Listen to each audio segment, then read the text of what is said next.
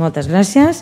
Passem a la regidoria d'habitatge, al punt 7, que diu el següent, modificació del títol constitutiu dels drets reals de superfície constituïts sobre les parcel·les 42, 52 i 54 del projecte de reparcel·lació del PP1-1, la plana Santa Bàrbara Vallpineda de Sitges. Per parlar d'aquest punt, la regidora d'Habitatge, senyora Júlia Vigo. Endavant. Moltes gràcies, alcaldessa. Seguim amb la tradició de la regidoria d'habitatge de posar títols completament intel·ligibles als dictàmens, però miraré d'explicar-los perquè s'entenguin.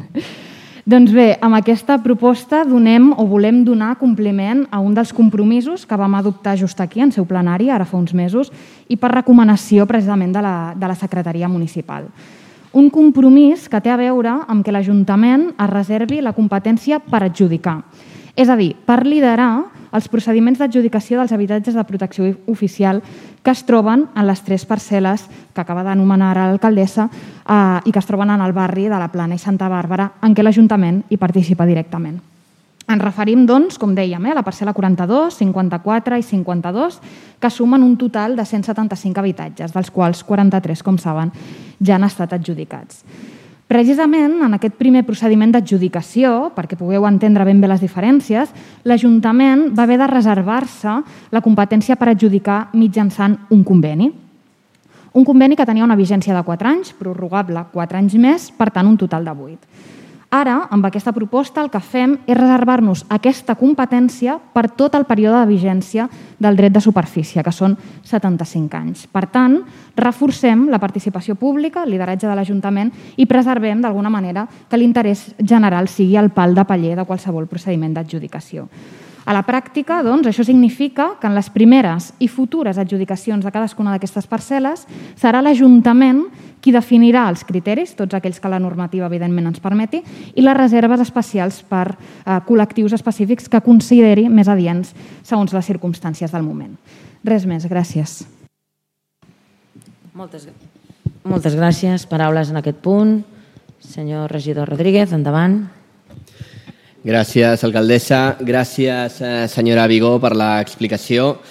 Eh, desde nuestro equipo ya mostramos nuestra preocupación en el pleno extraordinario del mes de enero, eh, que el ayuntamiento no se, ya lo decía un informe, que no se pudiera reservar la gestión en el proceso de adjudicación de las viviendas de protección oficial que, que estaban, bueno, se estaba gestionando tanto el derecho de, de superficie como las, las adjudicaciones, ¿no? y que veíamos un problema, y lo veía de hecho Secretaría, porque la gestión tenía que ir por medio de un convenio con las funciones eh, titulares del derecho de superficie en, eh, recaerían sobre las fundaciones en lugar del ayuntamiento en caso de que no existiera ese convenio y que además el ayuntamiento únicamente podría bueno, solicitar información nada más.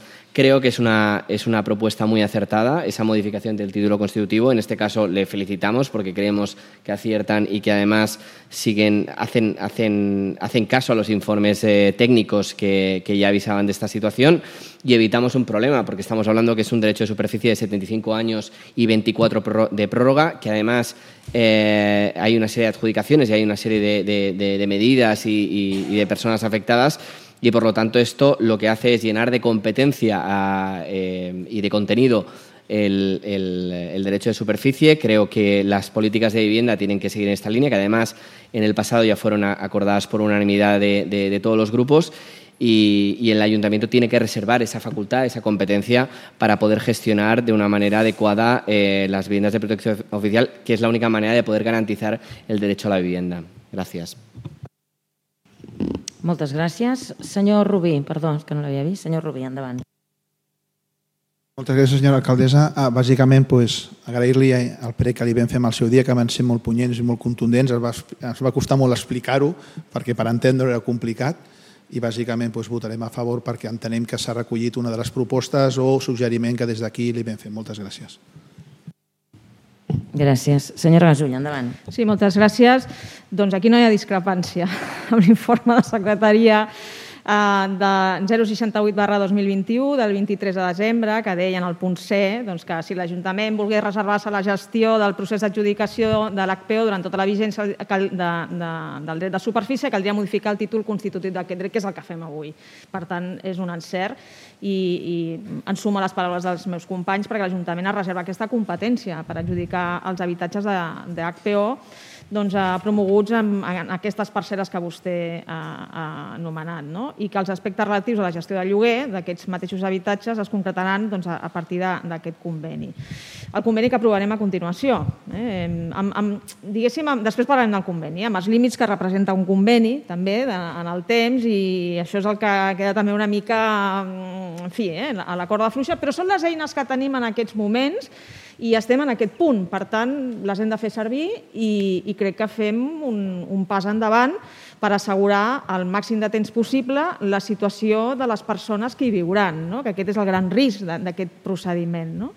I estem parlant, com deia el senyor Royer, de persones en noms i cognoms, de famílies o d'unitats familiars que evidentment no poden córrer el risc de quedar-se sense un habitatge i més amb el panorama que es dibuixa precisament en un dels informes que vostès porten avui arran d'aquests temes, amb el panorama que es dibuixa de, eh, de l'habitatge a Sitges. El nostre vot serà favorable. Moltes gràcies. Moltes gràcies. Senyora Tomau, endavant. Gràcies, alcaldessa. Bé, nosaltres, doncs, eh, com sempre, eh, quan parlem d'aquest de, de, de la constitució d'aquest dret a superfície, no compartim doncs, eh, la política pública d'habitatge d'aquest govern. Eh, per nosaltres, eh, aquest, vull dir, la modificació que avui es porta, que evidentment és una millora, eh, és un exemple més del, la, de, de, de la poca ambició que s'ha tingut amb les polítiques públiques d'habitatge a Sitges és un exemple més aquest que s'hagi d'incorporar doncs, aquesta adenda a les renúncies que, que hem estat capaços de fer eh, per optar a aquest tipus de, de model d'HPO. I es va voler transferir tantes, tantes, tantes eh, competències a les fundacions que ara ens trobem que hem de fer enrere perquè evidentment l'únic que estem fent és fer mal i actuar d'una manera no eh, alegal a que l'Ajuntament no pugui vull dir, el, el, eh, adjudicar la gestió d'aquests habitatges. Vull dir, vam renunciar, vull dir, evidentment, es pot fer un dret a superfície. Hem fet un un dret, un dret a superfície, com sempre hem denunciat, al màxim possible, 75 prorrogable a 24 més. I vam ser capaços també de transferir l'adjudicació i la gestió de tot aquest habitatge públic. Ens en alegrem que facin aquesta, aquesta esmena, que a partir d'aquí doncs, això es corregeixi, tot i així, nosaltres, evidentment, no és el nostre, no són, aquestes no són els, les nostres polítiques públiques d'habitatge. Gràcies. Eh, senyora Vigó, endavant. Gràcies, alcaldessa. Res, molt breument. Agrair als grups que, que han mostrat la, la valoració, la seva valoració positiva d'aquesta modificació. Evidentment, per nosaltres, que som qui la, qui la proposem, també ho és. Creiem que és una millora substancial i sí que és cert no?, que per part del grup eh, de Junts per Sitges ja ho han expressat en, en diverses ocasions, que aquest no, no és el seu model. Sí que eh, em sorprèn no? en, en certa mesura perquè de fet seguim precisament allò que comentava tot just fa un moment el, el senyor Rodríguez, no? un consens general que es va generar aquí a principis del 2019. Precisament aquest ha sigut el nostre full de ruta, evidentment desplegant un model que ni és únic, per sort, eh, ni és eh, eh, acrític, és a dir, precisament per això avui portem modificacions d'allò que, en, que en un primer moment vam proposar, perquè creiem que és millorable i tot allò que puguem millorar amb les eines que tenim ho farem. I també és cert, senyora Tubau, que vostè apuntava algunes qüestions, no? algunes renúncies en la participació de l'Ajuntament eh, en l'adjudicació d'aquests habitatges, que precisament el que fem avui és esmenar-les. Per tant, eh, penso que eh, com a mínim en aquest, en, aquest, eh, en aquest àmbit sí que ens hem de, de felicitar o com a mínim de, de, de tenir aquesta valoració mínimament positiva. Res més, gràcies. Moltes gràcies. Alguna paraula més? No? Doncs passem a la votació. Recordem que és el punt número 7 de l'ordre del dia, que diu el següent, modificació del títol constitutiu dels drets reals de superfície constituïts sobre les parcel·les 42, 52 i 54 del projecte de reparcel·lació del PPU 1, La Plana, Santa Bàrbara, Vallpineda de Sitges. Vots a favor. 17 vots a favor. Vots en contra. No hi ha vots en contra? Abstencions. Quatre abstencions. Queda aprovat. Moltes gràcies. Passem ara al punt número 8 de l'ordre del dia. Aprovació del conveni de col·laboració entre l'Ajuntament de Sitges i les fundacions privades, sales per a l'accessibilitat, nou lloc habitatge social i privada Família i Benestar Social per regular el procés d'adjudicació i la futura gestió d'habitatges de protecció oficial a la parcel·la 54 PP11 de Sitges. Per parlar d'aquest punt, la regidora Júlia Vigo. Endavant. Moltes gràcies, alcaldessa. Doncs, com deia fa un moment la regidora Gasulla, passem ara a debatre l'aprovació d'aquesta aquest, proposta de, de conveni, que, com dèiem fa un moment, eh, fins ara tenia dos grans objectius. Per una banda, la reserva per part de l'Ajuntament de la competència per adjudicar eh, els habitatges i, per altra banda, la distribució i identificació d'aquells que estan reservats a col·lectius específics. Com que el primer d'aquests dos eh, objectius l'acabem d'incloure com a part dels acords de dret de superfície, per tant, l'Ajuntament ara ja és competent per l'adjudicació d'aquests habitatges de protecció oficial durant 75 anys, el que fem ara en aquest conveni precisament és centrar-nos en aquest segon de, dels grans objectius, que és eh, doncs, la identificació dels habitatges i les reserves per, per col·lectius específics. Doncs bé, mitjançant aquest document, eh, aquelles reserves específiques eh, d'habitatge que regiran el procediment d'adjudicació, que tot seguit també detallarem a les bases reguladores, són les següents. No? Doncs en aquest cas, els col·lectius a qui ens dirigirem de manera específica són els mateixos que en el primer procediment d'adjudicació, el d'aquests 43 habitatges que ja vam entregar el passat mes de maig. Per tant, reserva general, reserva per ingressos baixos, reserva per persones amb discapacitat i o mobilitat reduïda i cessió d'un habitatge a favor dels serveis socials, però fent alguns canvis, sobretot pel que fa a la proporció. No? Per tant, mantenim un enfocament transversal que pugui dirigir-se al màxim nombre de persones possibles, però en concret, us apuntaré alguns d'aquests canvis. En aquesta ocasió, la reserva per al col·lectiu d'ingressos baixos passa a ser del 20% de la promoció. Per tant, passem de 6 habitatges reservats en la primera promoció, ja entregada, a 12 en aquesta ocasió. Cal tenir en compte també i també passava en la primera adjudicació, que aquest col·lectiu percebrà un ajut al pagament del lloguer per part de l'Ajuntament de Sitges per tal que el seu esforç sigui equiparable al de la resta de persones adjudicatàries de la promoció i que en cap cas ha de superar el 30% dels ingressos de la unitat familiar.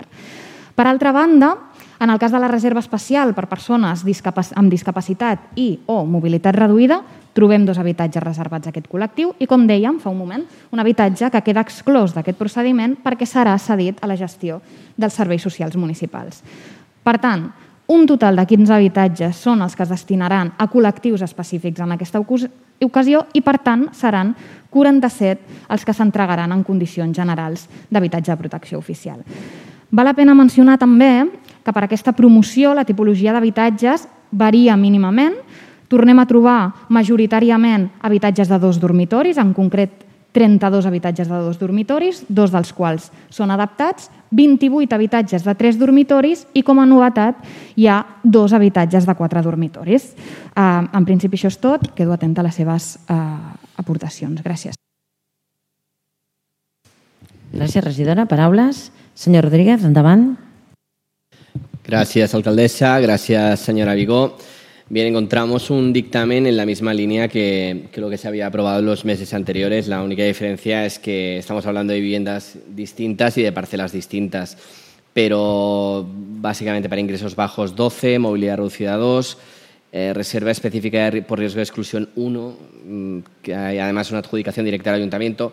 Creemos que es una adjudicación, mm, honestamente, muy, muy baja y que, que se podría haber intentado eh, mejorar estos números respecto, respecto a los pasados meses, la de, la de reserva específica por, por riesgo de, de exclusión. ¿no?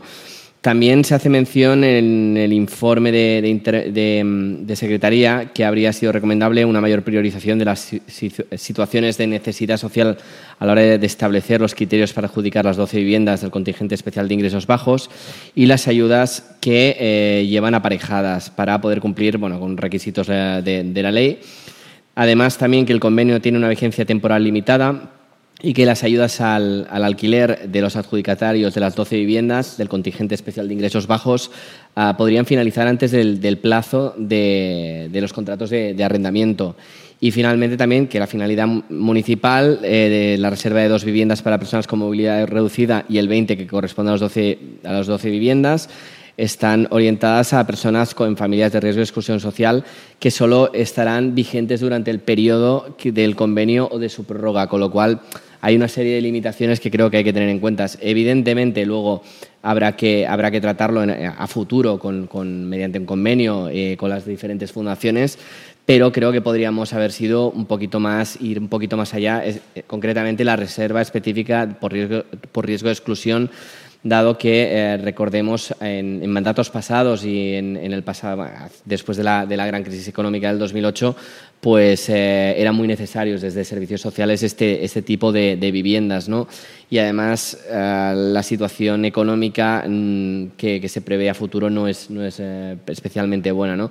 De todas maneras, entendemos, y lo, repetiré siempre, que las políticas de vivienda no, no comienzan aquí, pero tampoco acaban creo que es, necesario seguir trabajando en esta línea y sobre todo intentar buscar ah, medidas a, largo plazo y, no solo un convenio que, que pueda agradar en un momento dado. Muchas gracias. Senyora Gasulla, endavant. Sí, moltes gràcies. Doncs eh, bé, l'aprovació del conveni, o el conveni en si mateix, és una eina necessària, però també limitada, com bé sap la regidora, perquè ja sap que el termini de vigència dels convenis no pot ser superior a 4 anys, llevat que, es, que, que es prevegi un termini superior segons l'article 49. És necessari el conveni? En aquestes circumstàncies està claríssim que és necessari, no? perquè hi ha una necessari de, de que entre les dues parts, Ajuntament i les fundacions, sales, nou llocs i FIPS, eh, buscant aquest fi comú, eh, que és d'interès general, no? consistent en habilitar un procediment en el que l'Ajuntament pugui participar en el procés d'habitatge del, del procés d'adjudicació d'habitatges, fent valer el seu propi registre de sol·licitants, per exemple, o eh, els criteris condicionants d'adjudicació adients al nostre municipi, contemplant, com deia la regidora, aquests contingents especials de persones o famílies que d'altra manera no hi podrien eh, tenir accés a aquests habitatges i, i, i fent efectiu així aquest dret a tenir un habitatge digne, la qual cosa a Sitges és especialment eh, complicat. Um, en aquest context, l'Ajuntament doncs, s'obliga doncs, a crear efectivament una nova línia d'ajuts de lloguer solidari destinat només al contingent especial de persones d'ingressos baixos d'aquesta promoció. Aquesta línia es fixa per un termini de durada del conveni i es farà per concessió eh, directa d'ajuts al pagament de lloguer, amb la particularitat de que es podrà acollir fins al 100% de l'import del lloguer en casos de morositat derivada d'una vulnerabilitat econòmica demostrable i que l'expedient eh, té aquest estudi econòmic que preveu un cost anual d'una mica més de 40.000 euros en un primer escenari favorable o eh, respecte a aquesta diferència, el famós 30% de l'esforç teòric que haurien de pagar les persones i de 92.000 i escaig en un segon escenari on l'Ajuntament hauria de subvencionar el 100% del preu del lloguer dels 12 habitatges. Què passa si no es compleix el conveni? Doncs no massa res, també li haig de dir. És a dir, el conveni només proposa com a conseqüència possibles incompliments de les obligacions i compromisos assumits per les parts la seva possible extinció.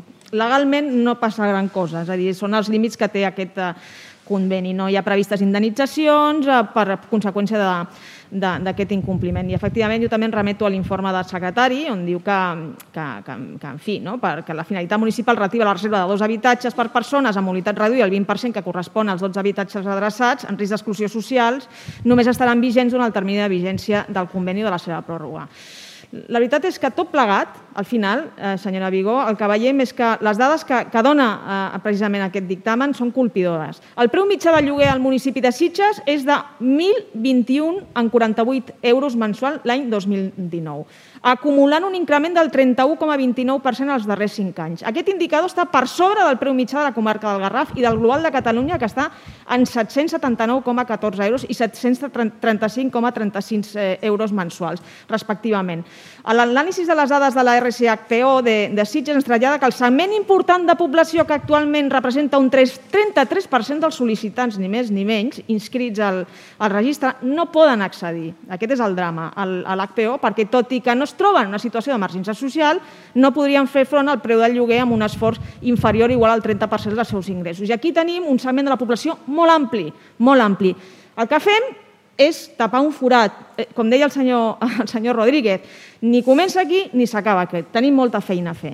La concessió directa de l'ajut al lloguer solidari és una de les mesures que la regidoria d'habitatge ha decidit portar a terme perquè les persones amb ingressos baixos tinguin la possibilitat d'accedir i mantenir un habitatge digne a la promoció d'HPO que ens ocupa. La veritat és que si no tenim clar tots plegats que l'habitatge ha de ser una prioritat ara i en el futur, sobretot en els futurs governs, estem perdent peu i se'ns dibuixa un panorama dramàtic, molt complicat i per aquest motiu nosaltres fem una proposta, la llancem, eh? esperem que no sigui simplement una, un brindis als sols, però crec que cal impulsar un pacte municipal sobre l'habitatge. Com a mínim que es visualitzi aquest compromís per part de totes les forces polítiques.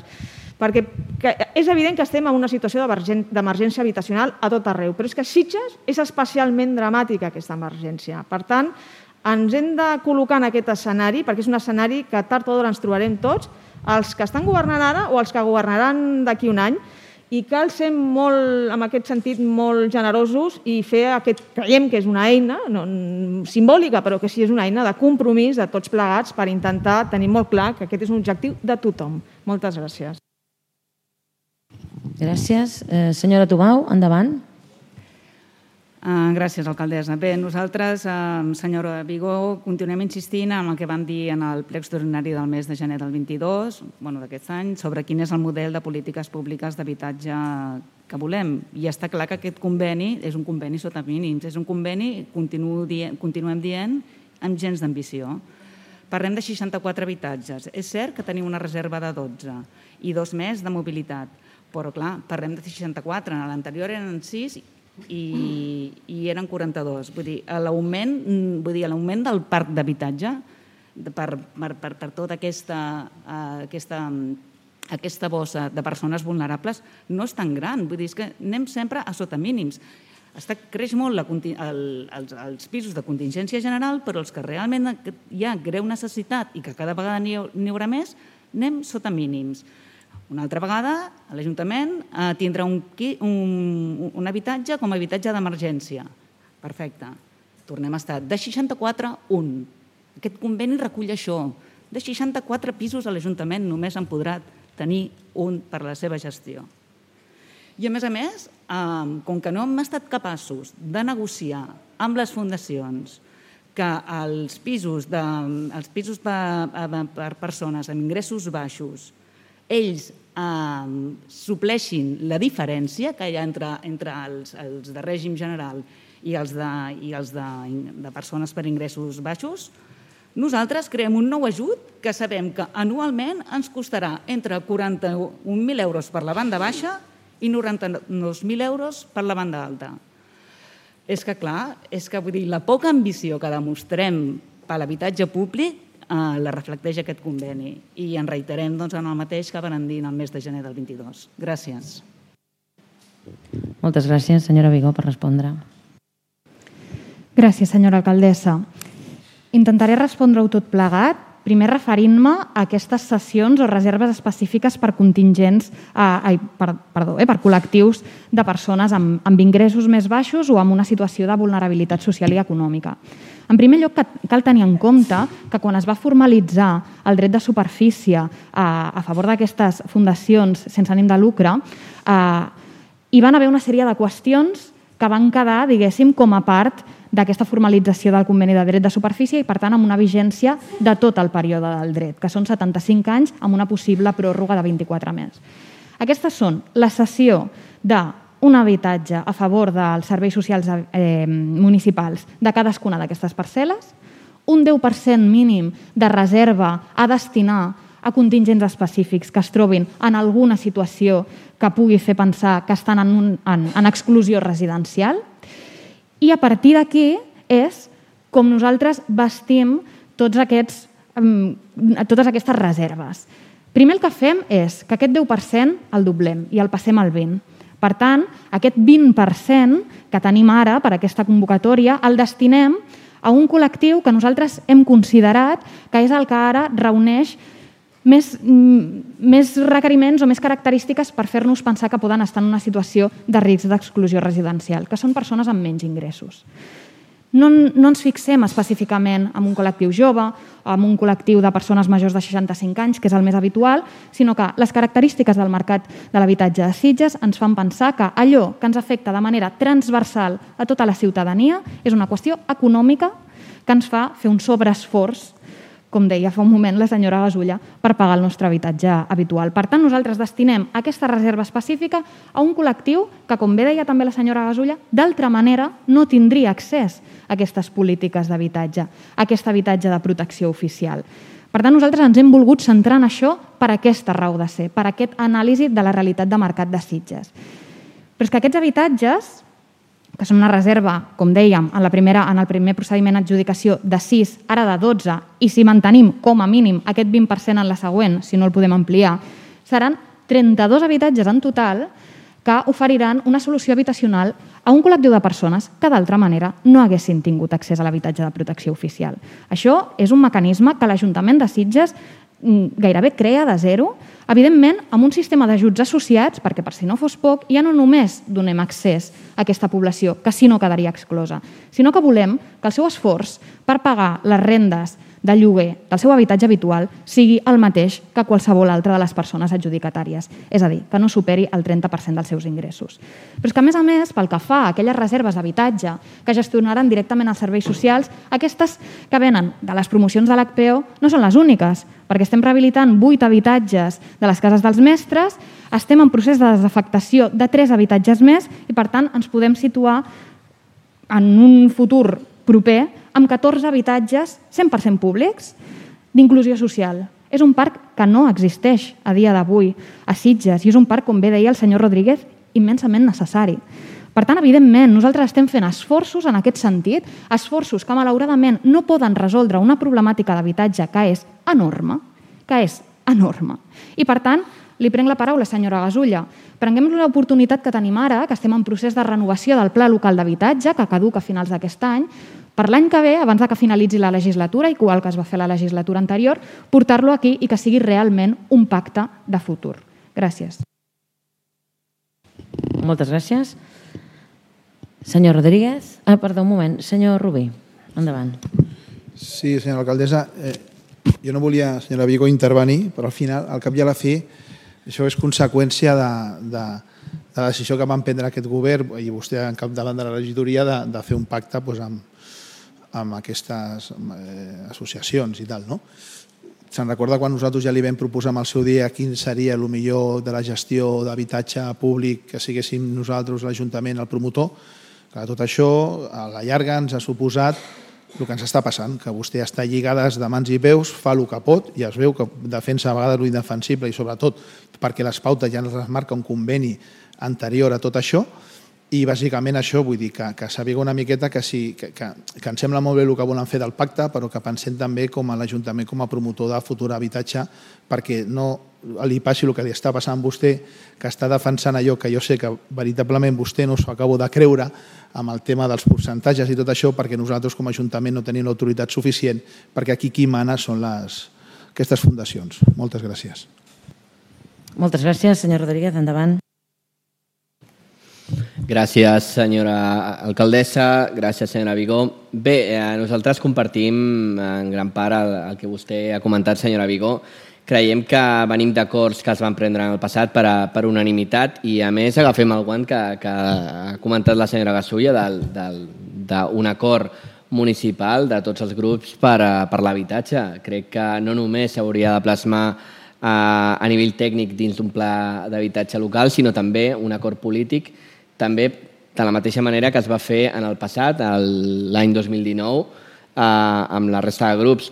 És cert, partim de zero, és a dir, és que fa quatre anys no hi havia absolutament res i s'ha hagut de treballar i s ha, s ha, jo crec que s'està treballant bé i no poso el focus en, en aquestes fundacions privades perquè també conec la feina i la tasca que fan aquestes fundacions, fundacions privades que tenen una finalitat social perquè, perquè les conec i he hagut de, de treballar alguna vegada amb, amb, amb elles i, i crec que eh, hi, ha, hi ha qüestions que, que realment mm, no, la gent no és conscient de, de tot el que s'està fent. No? Per part d'aquest equip, volem, malgrat ens abstindrem per qüestions tècniques i, com he dit, eh, sobretot les qüestions de, del termini de durada dels arrendaments i perquè creiem que hi ha coses que encara queden per perfilar, ens, ens abstindrem, però també vull fer eh, esment al, al departament tècnic que ha estat treballant durant, durant aquests anys en relació a, a tota la temàtica de l'habitatge i vull agrair tota aquesta tasca perquè per fi podem tenir com a mínim un mecanisme i una sèrie d'eines per poder treballar i donar resposta. Gràcies. Moltes gràcies. Senyora Gasulla, endavant. Sí, jo li, li volia contestar a la senyora Vigó. Miri, eh, eh, la realitat que tenim hores d'ara segurament d'aquí un any haurà canviat. I ja no dic d'aquí 10 anys. És a dir, el panorama que tenim és demolidor. Sobretot el, pel que fa referència a la gent jove eh, que, que, va acompanyat a més d'un problema important d'accés al mercat laboral, eh, de situacions molt complicades i per tant ens, ens podem trobar amb un panorama que el pla local d'habitatge millor no, no pot dibuixar encara. I, i, i per això deia no? que, que hem de visualitzar aquest compromís com hem fet altres vegades i com es va fer en el ple del mes de gener, si no recordo malament, aquell ple extraordinari del 2019, on totes les forces polítiques doncs, van fer un gest simbòlic, però que, de fet, vostè està inspirada, ja ho ha dit abans, està inspirat a, a tot, el, tot el procediment en aquell ple i crec que a vegades els gestos són importants. I tots tenim una visió del que ha de ser l'habitatge públic i les eines de l'habitatge públic per creació de l'habitatge públic. I segurament el, les, les companyes, el company de, de Junts tenen visions diferents, però han de sumar, perquè s'ha de tocar absolutament totes les possibilitats, totes les tecles. No hi ha una única solució. Jo a vostè no, no li puc dir quina és la solució perquè vostè sap, sap molt més que jo perquè està treballant dia a dia. Sí que conec eh, aspectes que poden ser millorables i, i, i contribuirem en, el, en la mesura que sigui possible, però crec que aquí hem de fer esforços i no fer diguéssim, brindis al sol. Hem de fer esforços tots plegats, perquè això ens afecta a tots, ens afecta com a poble, ens afecta com a famílies i ens afecta sobretot com a persones, perquè al final tindrem un poble que serà, amb tot el respecte, un balneari, on només podrà viure gent amb un poder adquisitiu molt alt. I ja estem veient que això ja s'està començant a, a albirar, s'està començant a dibuixar. Per tant, quin és el poble que volem? Treballem cap a aquest, cap a aquest uh, objectiu. Eh? Per, I per això agraeixo les paraules del senyor Rodríguez, que és important que fem aquest pacte eh, d'una manera que dongui força també política i sobretot institucional a les polítiques d'habitatge que fins ara no s'havien fet, també s'ha de dir. És a dir, que hi havia una feina que va començar massa tard. Eh? També vull reconèixer els esforços del darrer any de la senyora Tubau eh, i de la senyora Rossell, però, però hem arribat massa tard a molts moments importants i costarà canviar el pas. Moltes gràcies. Gràcies. Senyora Tubau, endavant. Gràcies. Uh, senyora Vigó, evidentment que nosaltres reconeixem eh, el fet de que passem de, de 6 a 12, però també parlem, tornem a insistir, vull dir que és evident que augmentem la ràtio, que és un 20%, però parlem de 64 habitatges i tornem a dir, vull dir, uh, l'Ajuntament només podrà gestionar un sol habitatge d'aquests 64 com a habitatge d'emergència. Ja sé que després vindran, ja sabem que després vindran um, altres possibles habitatges d'emergència, ben aviat els tindrem i que evidentment l'Ajuntament podrà gestionar més habitatges d'emergència. Però nosaltres aquí del que parlem és de la poca ambició que l'Ajuntament de Sitges i que aquest govern ha demostrat a l'hora de negociar aquest, i de signar aquest conveni. És molt poc ambiciós. Uh, pensin que vull dir, uh, fer un dret de superfície de 75 anys prorrogable a 24, que és el límit que permet la llei, és donar-ho tot. I ho hem donat tot, vull dir que, eh, escolti'm, el primer punt que hem portat d'habitatge hem hagut de fer una esmena perquè, vull dir, eren les mateixes fundacions qui tenien la gestió també de, de la gestió de, de l'adjudicació. Vull dir, és que clar, vull dir, es va anar tan, tan, tan, tan, tan a mínims, vull dir, és tan poc ambiciós, vull dir que uh, aquestes fundacions van, van aconseguir, vull dir, um, un, una capacitat molt enorme. Um, evidentment que ens felicitem, vull dir que està molt bé tenir dos, 12 habitatges, però um, nosaltres no parem de dir i sempre, vull dir, i, i, i, i no podem deixar-ho de dir, el fet aquest. La poca ambició que s'ha demostrat i el fet aquest de que, vull dir, incrementem el parc sobre habitatges per persones vulnerables, però és que, a més a més, això ens suposa, en lloc de que l'assumeixin les propes fundacions, doncs no. Ens hem de crear una altra obligació a l'Ajuntament i crear una nova línia d'ajuts. Gràcies. Senyora Vigó, per tancar. Gràcies, alcaldessa. Intentaré respondre a totes les, les observacions que se m'han fet amb, amb, amb una sola reflexió. El model d'habitatge que ha escollit eh, aquest govern és un model. Com dèiem abans, no és l'únic. I és un model que recollia precisament en aquests acords consensuats plenaris unànimes de principis del 2019. Per tant, era l'únic que recollia aquest consens? No, però era un dels prioritaris. I nosaltres ho hem seguit fil, per randa. Aquest model, amb mancances, de les quals estem aprenent, i prova d'això és el dictamen que acabem d'aprovar fa una estona, ens ha permès moltes coses. Ens ha permès que l'adjudicació sigui a favor de l'Ajuntament. I no només ara que hem modificat el dret de superfície, senyora Tubau, també en la primera adjudicació. L'adjudicació sempre ha sigut competència de l'Ajuntament. El que passa que en la primera promoció ens la vam reservar mitjançant un conveni i ara ens la reservem mitjançant el dret de superfície. A més a més, mantenim el sol públic. El patrimoni és públic avui, demà i sempre. Això no havia passat mai. I això és un valor importantíssim. Però és que, a més a més, hem rebaixat el preu dels habitatges respecte a l'inicial, un 20%. L'habitatge de protecció oficial en aquestes tres parcel·les tenia el preu més alt, que és el preu concertat. Estava gairebé a 9 euros al metre quadrat. L'hem rebaixat considerablement i això dona accés a moltíssimes persones també. Evidentment, també l'Ajuntament de Sitges té un registre de sol·licitants de protecció oficial propi i això també ens beneficia. Que això Evidentment ja hi era, però això ens ha beneficiat i hem pogut constatar-ho en aquests procediments d'adjudicació. El senyor Rubí parlava no, d'aquesta promoció directament pública i això mai ho mencionen, però és que també ho estem fent amb les cases dels mestres.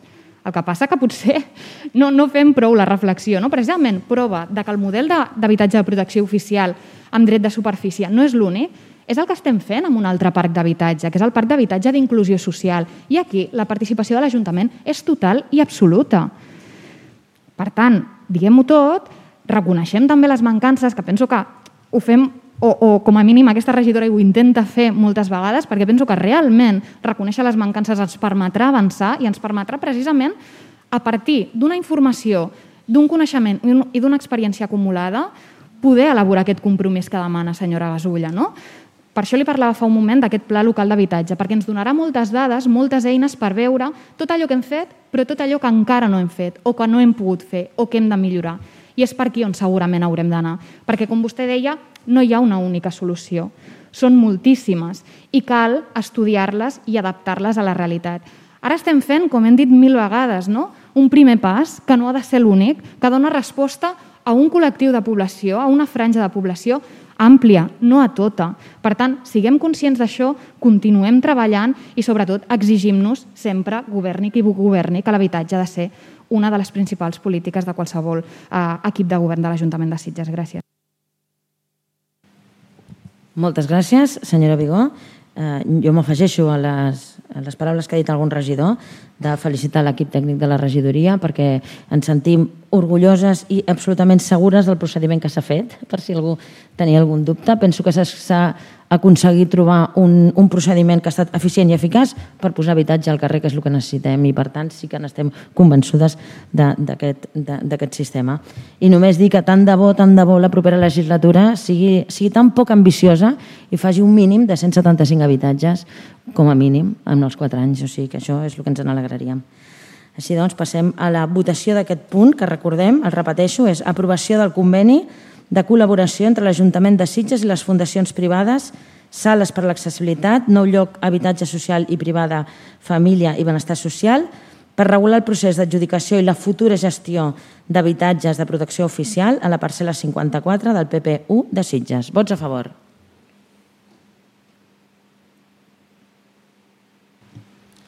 Catorze vots a favor. Vots en contra. 4 vots en contra. Abstencions. 3 abstencions. Queda aprovat. Moltes gràcies. Passem al punt número 9, que és l'aprovació de bases específiques per l'adjudicació de 62 habitatges de protecció oficial en règim general de lloguer social ubicats al carrer Felip Font i Falp 65 de Sitges. Per parlar d'aquest punt, la regidora d'Habitatge, senyora Vigó, endavant. Gràcies, alcaldessa. En aquest cas, el document que proposem per la seva aprovació són les bases reguladores del segon procediment d'adjudicació d'habitatges de protecció oficial de l'Ajuntament de Sitges. Com sabeu, són tres les promocions que hem impulsat, una d'elles ja entregada, i la segona que tot just estem debatent. La tercera, com saben, s'entregarà l'any vinent. En aquest cas, com hem comentat, es tracta d'una promoció de 62 habitatges distribuïts en quatre blocs, situats prop de la Bòbila, els quals majoritàriament inclouen dos i tres dormitoris, però també, com a novetat, trobem dos habitatges de quatre dormitoris. Aquest procediment d'adjudicació, com dèiem, afectarà 61 dels 62 habitatges existents, ja que hi ha un habitatge que se cedirà per seguir el circuit d'adjudicació i seguiment social propi dels serveis socials municipals. Els 61 habitatges restants, doncs, proposem que s'adjudiquin d'acord amb els següents criteris, els quals miraré de, de resumir tot seguit. En primer lloc, trobem criteris generals criteris que recullen qüestions com, per una banda, tenir una antiguitat mínima de 3 anys al padró municipal. Aquesta antiguitat serà de 12 anys per persones que actualment resideixen fora de Sitges per motius econòmics i que, en aquest cas, desitgen tornar.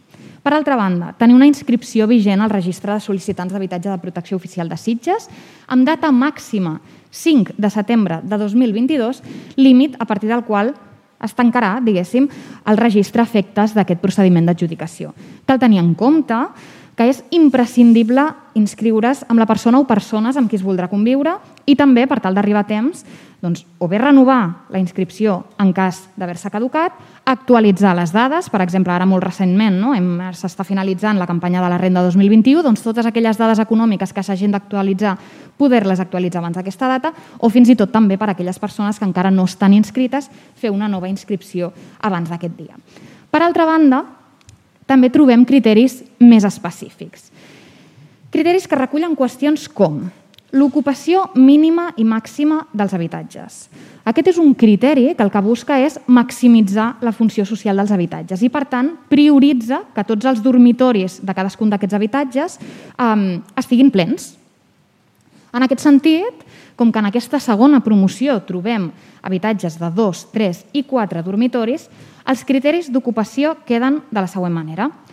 En dos dormitoris podran eh, participar unitats de convivència de dues i tres persones. Tres dormitoris, entre 4 i 5 persones. I quatre dormitoris, entre 6 i 7 persones. Ara bé, com que d'aquesta manera quedarien excloses les llars unipersonals, aquelles que es troben formades per una sola persona, es reserven sis habitatges, que és l'equivalent a un 10% d'aquesta promoció, per persones soles. Per tant, es prioritzen, això sí, unitats de convivència de dos o més persones per tal de maximitzar aquesta funció social, però es comprèn tot i així que existeixen altres tipologies de llars i, per tant, també se'ls reserva un nombre concret d'habitatges. Un altre dels criteris és el criteri econòmic. Aquí, de nou, també ens caldrà parlar de reserves específiques, ja que els criteris econòmics varien en la reserva específica per persones amb ingressos baixos i la resta de reserves que segueixen els criteris generals. Com dèiem, en aquesta promoció l'habitatge més petit té dos dormitoris. Per tant, l'habitatge més petit és el que fixa el topall d'ingressos mínims per accedir a la promoció. Aquest topall recordem, es fixa per tal que les unitats de convivència adjudicatàries no destinin més d'un 30% dels seus ingressos al pagament del lloguer, allò que es considera just. També, com dèiem fa un moment, la, la tipologia d'habitatges d'aquesta promoció està pensada i així pretenem prioritzar per unitats de convivència de dos o més membres. Per tant, posant un exemple pràctic, si el límit d'ingressos pel conjunt de membres de la unitat de, de convivència per la reserva general d'habitatge de, prote de protecció oficial es troba a l'entorn dels 21.000 euros, per una parella jove, per exemple, això significa que cadascun d'ells ha de disposar d'uns ingressos mensuals de o bé 875 euros al mes, si ho calculem amb, amb 12 pagues, o 750 si ho calculem amb 14. Ara bé, sí que cal tenir en compte, això per puntualitzar, eh, simplement, que la promoció que s'entregarà el 2023, l'habitatge més petit té un dormitori, per tant, el topall mínim d'ingressos també serà més baix i serà més fàcil per les llars unipersonals poder accedir a aquesta tipologia. En segon lloc, ara ja sí centrant-nos en la reserva específica pel col·lectiu d'ingressos baixos, com dèiem, disposarem de 12 habitatges per a aquesta reserva que suposa un 20% de la promoció i en aquest, cal, en aquest cas el límit d'ingressos per accedir-hi es troba a l'entorn dels 13.000 euros anuals pel conjunt de la unitat de convivència. Fent servir el mateix exemple, en el cas d'una parella, doncs cadascun d'ells hauria de disposar mensualment o bé de 540 euros al mes, si ho calculem en 12 pagues, o bé de 460 si ho calculem en 14. Aquestes persones, com dèiem, també, pel fet de tenir una situació econòmica més complicada, gaudiran d'ajuts al pagament de lloguer ajuts que busquen, com dèiem, que el seu esforç econòmic no superi el 30% dels seus ingressos. Per altra banda, també existeixen topalls màxims d'ingressos i aquí val a dir que aquests venen marcats també per la normativa. Topalls que es troben entre els 45.000 i els 50.000 euros anuals pel conjunt de la unitat de convivència. És un import que, com, veieu, és variable i varia en funció de les persones membres de cadascuna de les unitats de convivència. Un límit d'ingressos que, evidentment, en cap cas es podrà superar. Per últim, també és necessari recordar que per la reserva específica per persones amb discapacitat i o mobilitat reduïda, una reserva específica, val a dir també, que ve marcada per la llei d'habitatge, per tant és una reserva específica que en qualsevol cas es produiria, és necessari aportar documentació acreditativa d'alguna d'aquestes condicions per tal de poder optar a la reserva especial. Aquí cal tenir en compte que, tot i que els habitatges reservats per aquesta reserva de persones amb discapacitat i o mobilitat reduïda són habitatges adaptats, no és imprescindible tenir mobilitat reduïda per optar-hi, sinó que és una reserva que qualsevol persona amb un grau de discapacitat de més del 33% s'hi podrà acollir. Això és tot per ara. Gràcies, alcaldessa. Moltes gràcies. Paraules, senyor Rubí. Sí, moltes gràcies. Jo, jo, jo simplement faig esment al, a l'informe de secretaria amb els darrers tres punts que si ho ha tingut en compte, perquè penso que són bastant importants dins de les seves conclusions que fa un advertiment. Uh, penso que si ja comencem a aprovar avui unes bases on penso que són lo, suficientment importants a l'advertiment que fa la secretaria és per tenir-les en compte i esmenar-ho o no elevar-lo o no ho sé. A veure el que, què em sap dir d'això. Moltes gràcies. Moltes gràcies. Senyor Rodríguez, endavant. Sí, gràcies, alcaldessa. Gràcies, senyora Vigó. Bé, doncs, eh, en relació al, al dictamen que tenim davant de, ara davant, eh, també hauria s'hauria de mencionar que eh, dades estadístiques, no? que el 54% de les unitats familiars inscrites al registre públic d'HPO es troben per sota dels 15.000 euros anuals, que el preu mitjà de lloguer a Sitges són 1.021 amb 48 euros mensuals, amb dades del 2019, i que la mitjana de Garraf i de Catalunya són 779 amb 14 i 735 amb 36 mensuals, respectivament i que l'esforç econòmic per unitat familiar representa un 58,22% segons les dades del 2019.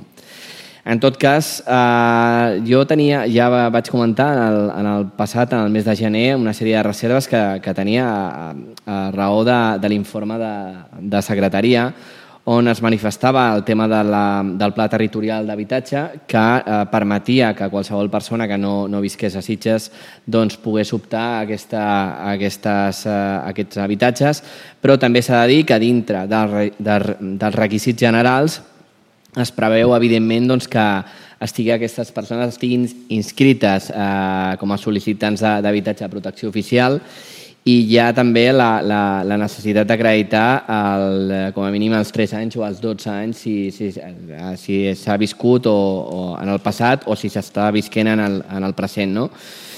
Uh, valorem molt positivament la qüestió de la funció social de dues o tres persones, o ocupació màxima i mínima, evidentment que la majoria de dormitoris estiguin plens, els criteris d'ocupació, entenem que són models, però són models molt, molt que, que podem compartir, que crec que compleixen amb aquesta funció social que ha de tenir l'habitatge de protecció oficial i que evidentment s'ha dit no, que, que evidentment eh, aquest habitatge continua en, en, en propietat de l'Ajuntament. És a dir, una cosa és el, el dret a superfície, que és un dret real, però en tot cas la propietat la manté l'Ajuntament i evidentment crec que amb la, amb la proposta que s'ha aprovat abans doncs mantenim el control d'aquestes adjudicacions i la qüestió és que els governs que entrin puguin continuar fent aquest, aquest seguiment i puguin eh, aprovar convenis que siguin raonables i que puguin continuar en aquesta línia. No?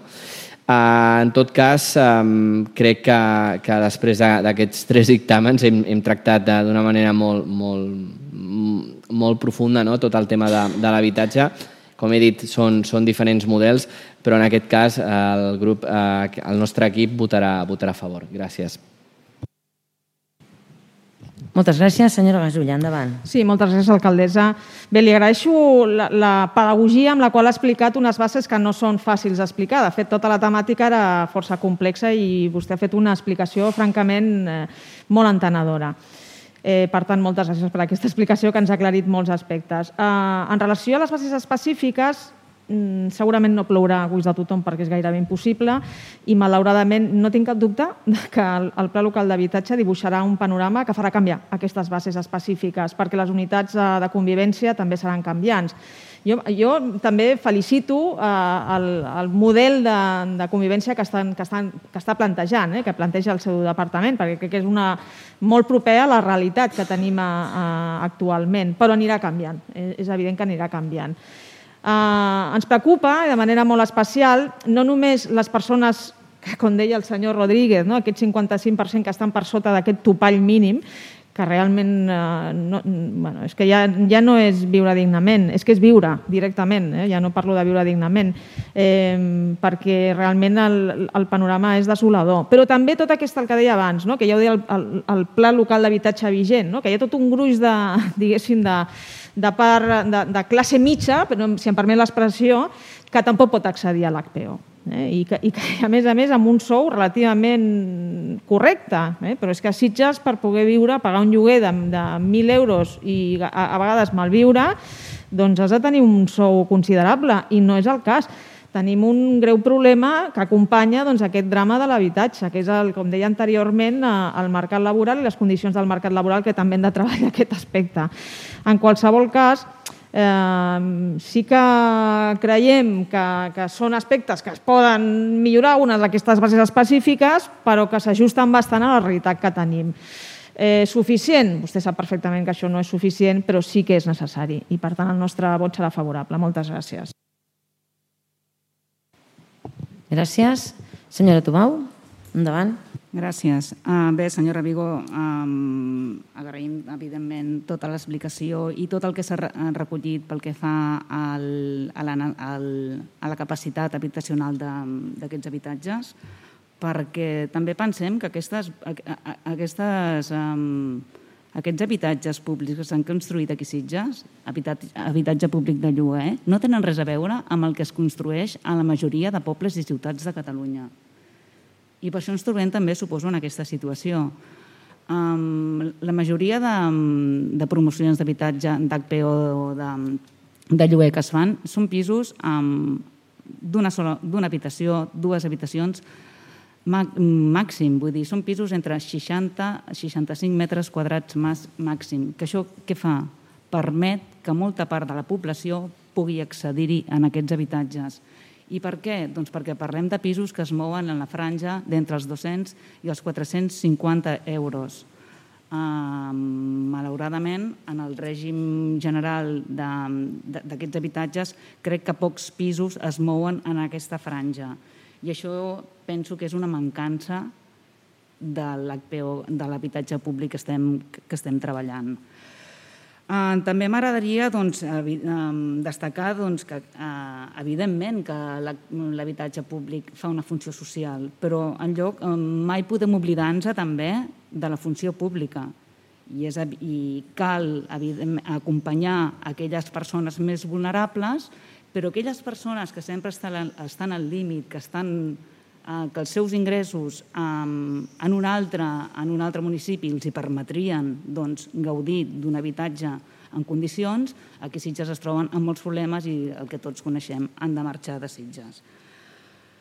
Trobo faltar, eh, trobo faltar que aquestes bases, vull dir, està molt bé que recullin tot el tema d'ajudar aquesta població vulnerable de rendes baixes, però en un poble com Sitges i després del que avui hem llegit del manifest, com és que no hi ha reserves de, pel col·lectiu LGTBIQ+.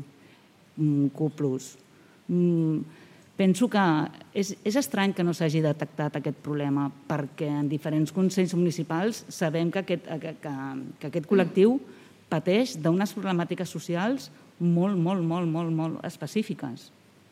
Molt específiques. I segurament a l'habitatge en forma part també d'aquestes necessitats. Mm Voldria fer-li una pregunta. Uh, pel que fa al... Uh, podria dir-me en quin barem o en quines franges ens movem uh, del preu de l'habitatge de quatre dormitoris? Moltes gràcies. Moltes gràcies, senyora Vigó. Endavant per respondre. Moltes gràcies, alcaldessa. Començaré fent esment a l'informe de secretaria perquè és cert que en el punt anterior m'ho han comentat alguns de, de vostès i, i no he pensat a, a fer-hi esment. Començaré per, per la primera de les, de les uh, conclusions d'aquest informe, que recordem que tot i així és favorable, però evidentment la secretaria fa la seva feina i apunta algunes qüestions que creu que serien millorables. En primer lloc, fa referència a aquest, a aquest col·lectiu, a aquesta reserva pel col·lectiu d'ingressos baixos i parla de que hagués estat preferible una major priorització d'aquestes situacions. Quina és, és a dir, com hem entomat això des de la regidoria d'habitatge? Doncs bé, què ens passa?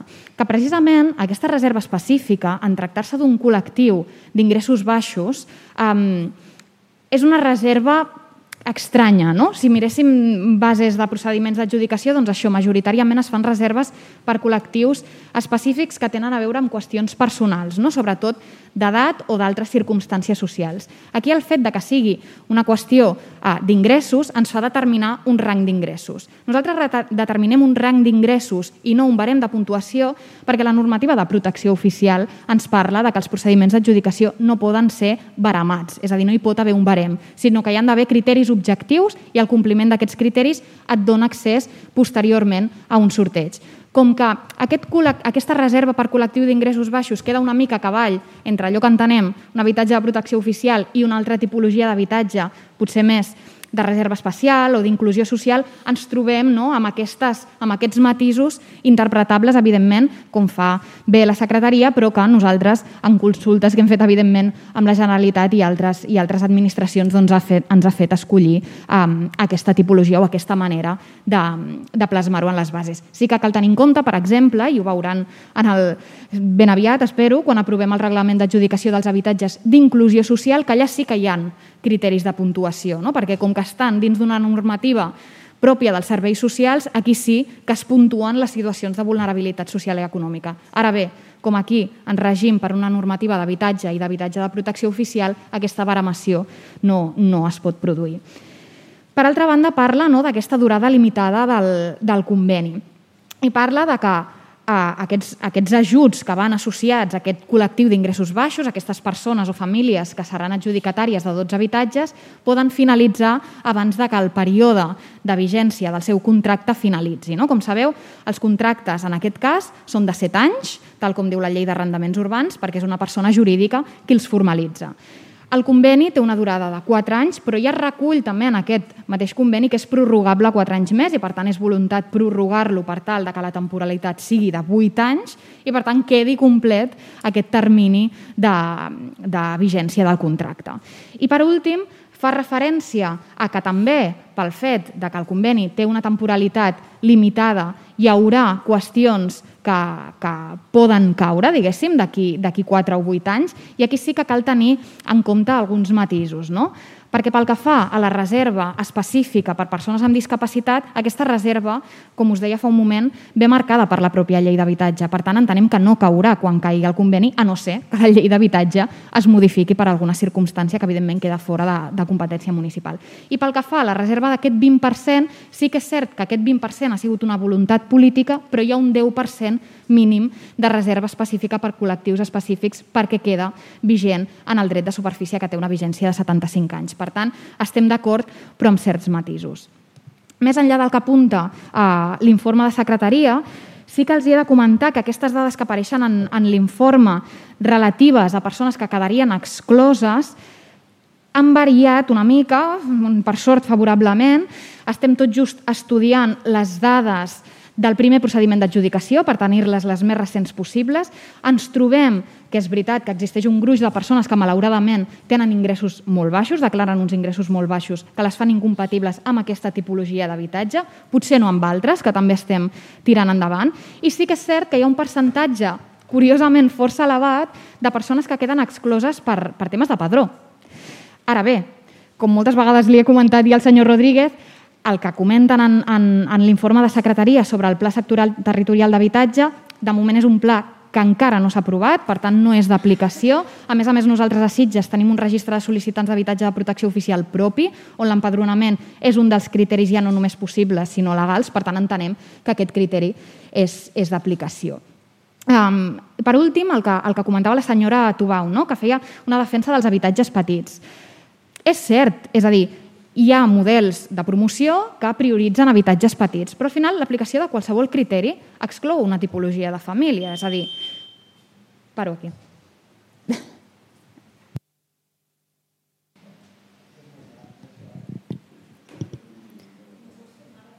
La primera? Queda en la segona tongada? Hem perdut. Queda en la segona tongada, no? De Parlament. Algú vol repetir si no acaben el seu argumentari? Endavant en la segona ronda de paraules. Senyora Gasulla. Seré molt breu. Jo li volia demanar a la regidora crec que en consta que és així, si vostès han presentat com a Ajuntament al·legacions al Pla Sectorial Territorial que van en aquesta línia, no? precisament, en consta que és així, no? i m'agradaria saber si ja han obtingut resposta o no. Estem encara en l'aprovació inicial, que efectivament eh, encara no, no nosaltres com a grup parlamentari també ho hem fet, perquè creiem que hi ha moltíssimes mancances en, el, en la proposta i res, ens hauria de tenir aquestes dades. Gràcies. Per, senyora Tubau, tres minuts.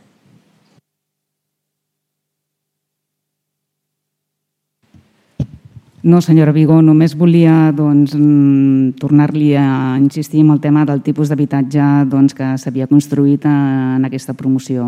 Mm, doncs, evidentment, eren, parlàvem d'uns habitatges doncs, amb forces metres quadrats i que quan tu analitzaves doncs, eh, la resta de promocions d'habitatge mm, d'habitatge de promoció oficial de lloguer arreu de pobles i ciutats de Catalunya, doncs el model era molt diferent i això feia doncs, que també variés el preu i l'accés a aquest habitatge perquè normalment es movia entre 250, 270 i 400 i, i escaig euros, la qual cosa doncs, eh, fa molt més accessible aquest, eh, aquest habitatge de protecció oficial de lloguer.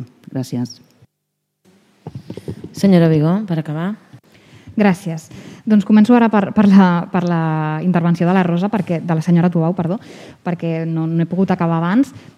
Jo, jo discrepo una mica. Eh? Penso que hi ha models diferents, simplement.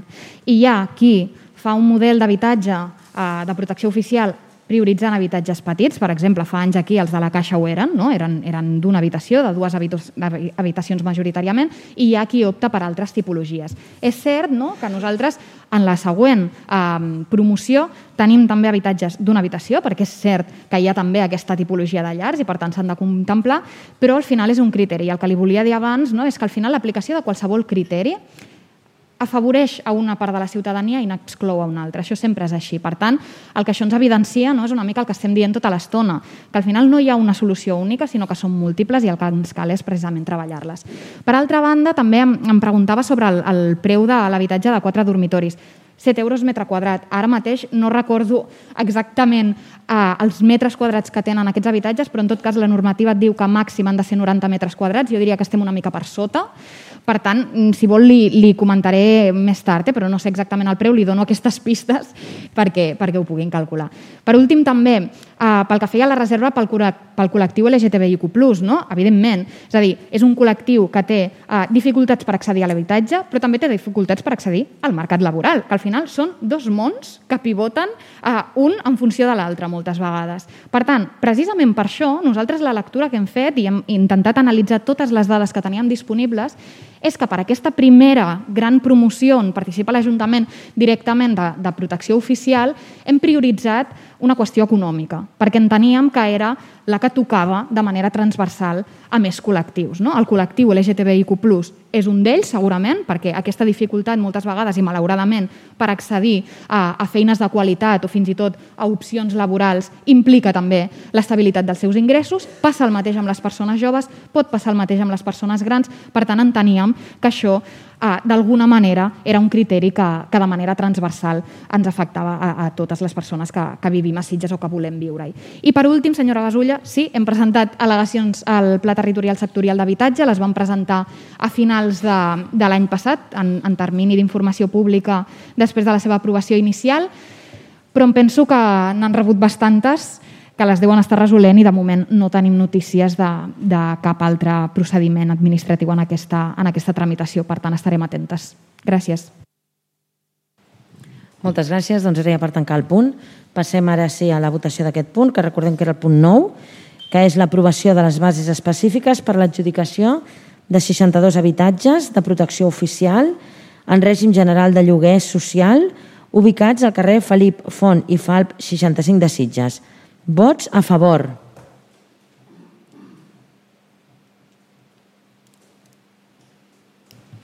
Vint vots a favor. Vots en contra. No hi ha cap vot en contra. Abstencions. Una abstenció. Queda aprovat.